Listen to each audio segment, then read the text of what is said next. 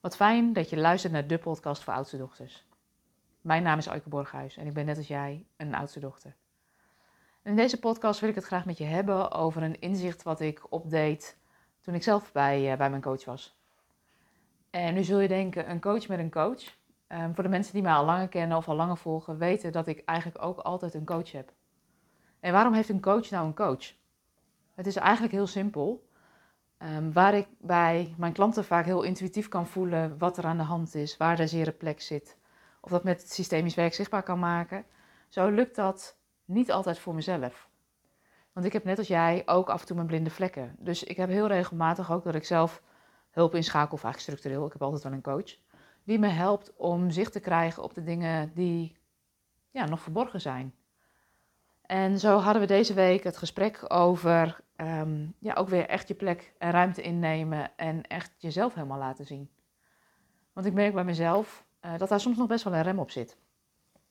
En waarom zit daar soms bij mij nog een rem op? Omdat ik onbewust de overtuiging heb van doe maar gewoon, dan doe je al gek genoeg. Ja, als ondernemer met een eigen bedrijf ben ik al best wel zichtbaar, tenminste online. Um, ik schrijf blogs, ik podcast. Um, dus ik laat best wel veel van mezelf ook zien. Maar wat er uh, tegelijkertijd ook gebeurt, is dat ik soms voel dat ik nog wel uitgesprokener zou willen zijn. Nog wel meer van mezelf willen laten zien.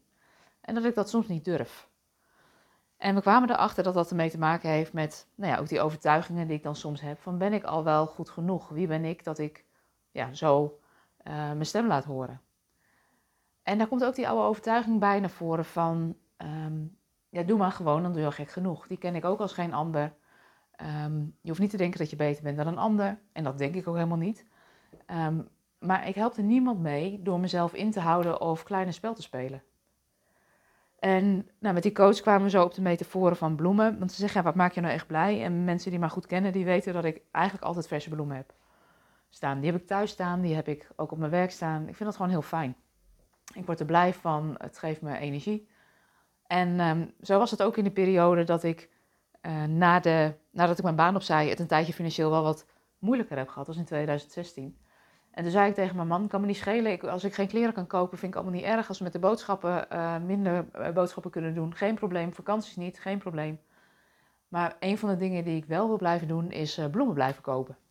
En zo had ik in die periode een bloemenbudget van 3 euro per week, waar ik dan mijn bloemetjes voor mocht halen.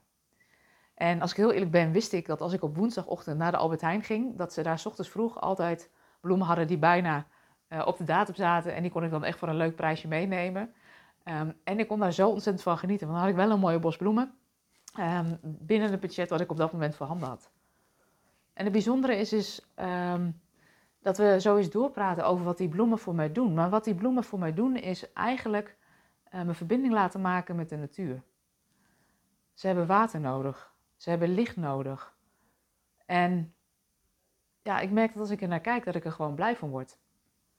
En wat ik ook zo mooi vind aan die bloemen, is dat ze er allemaal anders uitzien. Als je kijkt naar een tulp, dan is iedere tulp anders. En de ene tulp die denkt niet, ik bloei minder mooi dan die andere bloem. Um, want wat zal die andere er wel niet van vinden? En zo is het eigenlijk als je ja, wij ons mensen ook vergelijkt met de natuur. Weet je, we zijn allemaal uniek. We mogen het op onze eigen manier doen. En als de een uitbundig bloeit, betekent het niet dat je een ander tekort doet. En dat was voor mij wel een mooi inzicht, want onbewust lijkt ik dan soms de overtuiging te hebben dat als um, jij ja, je plek inneemt en het je goed laat gaan, dat je daarmee anderen tekort doet.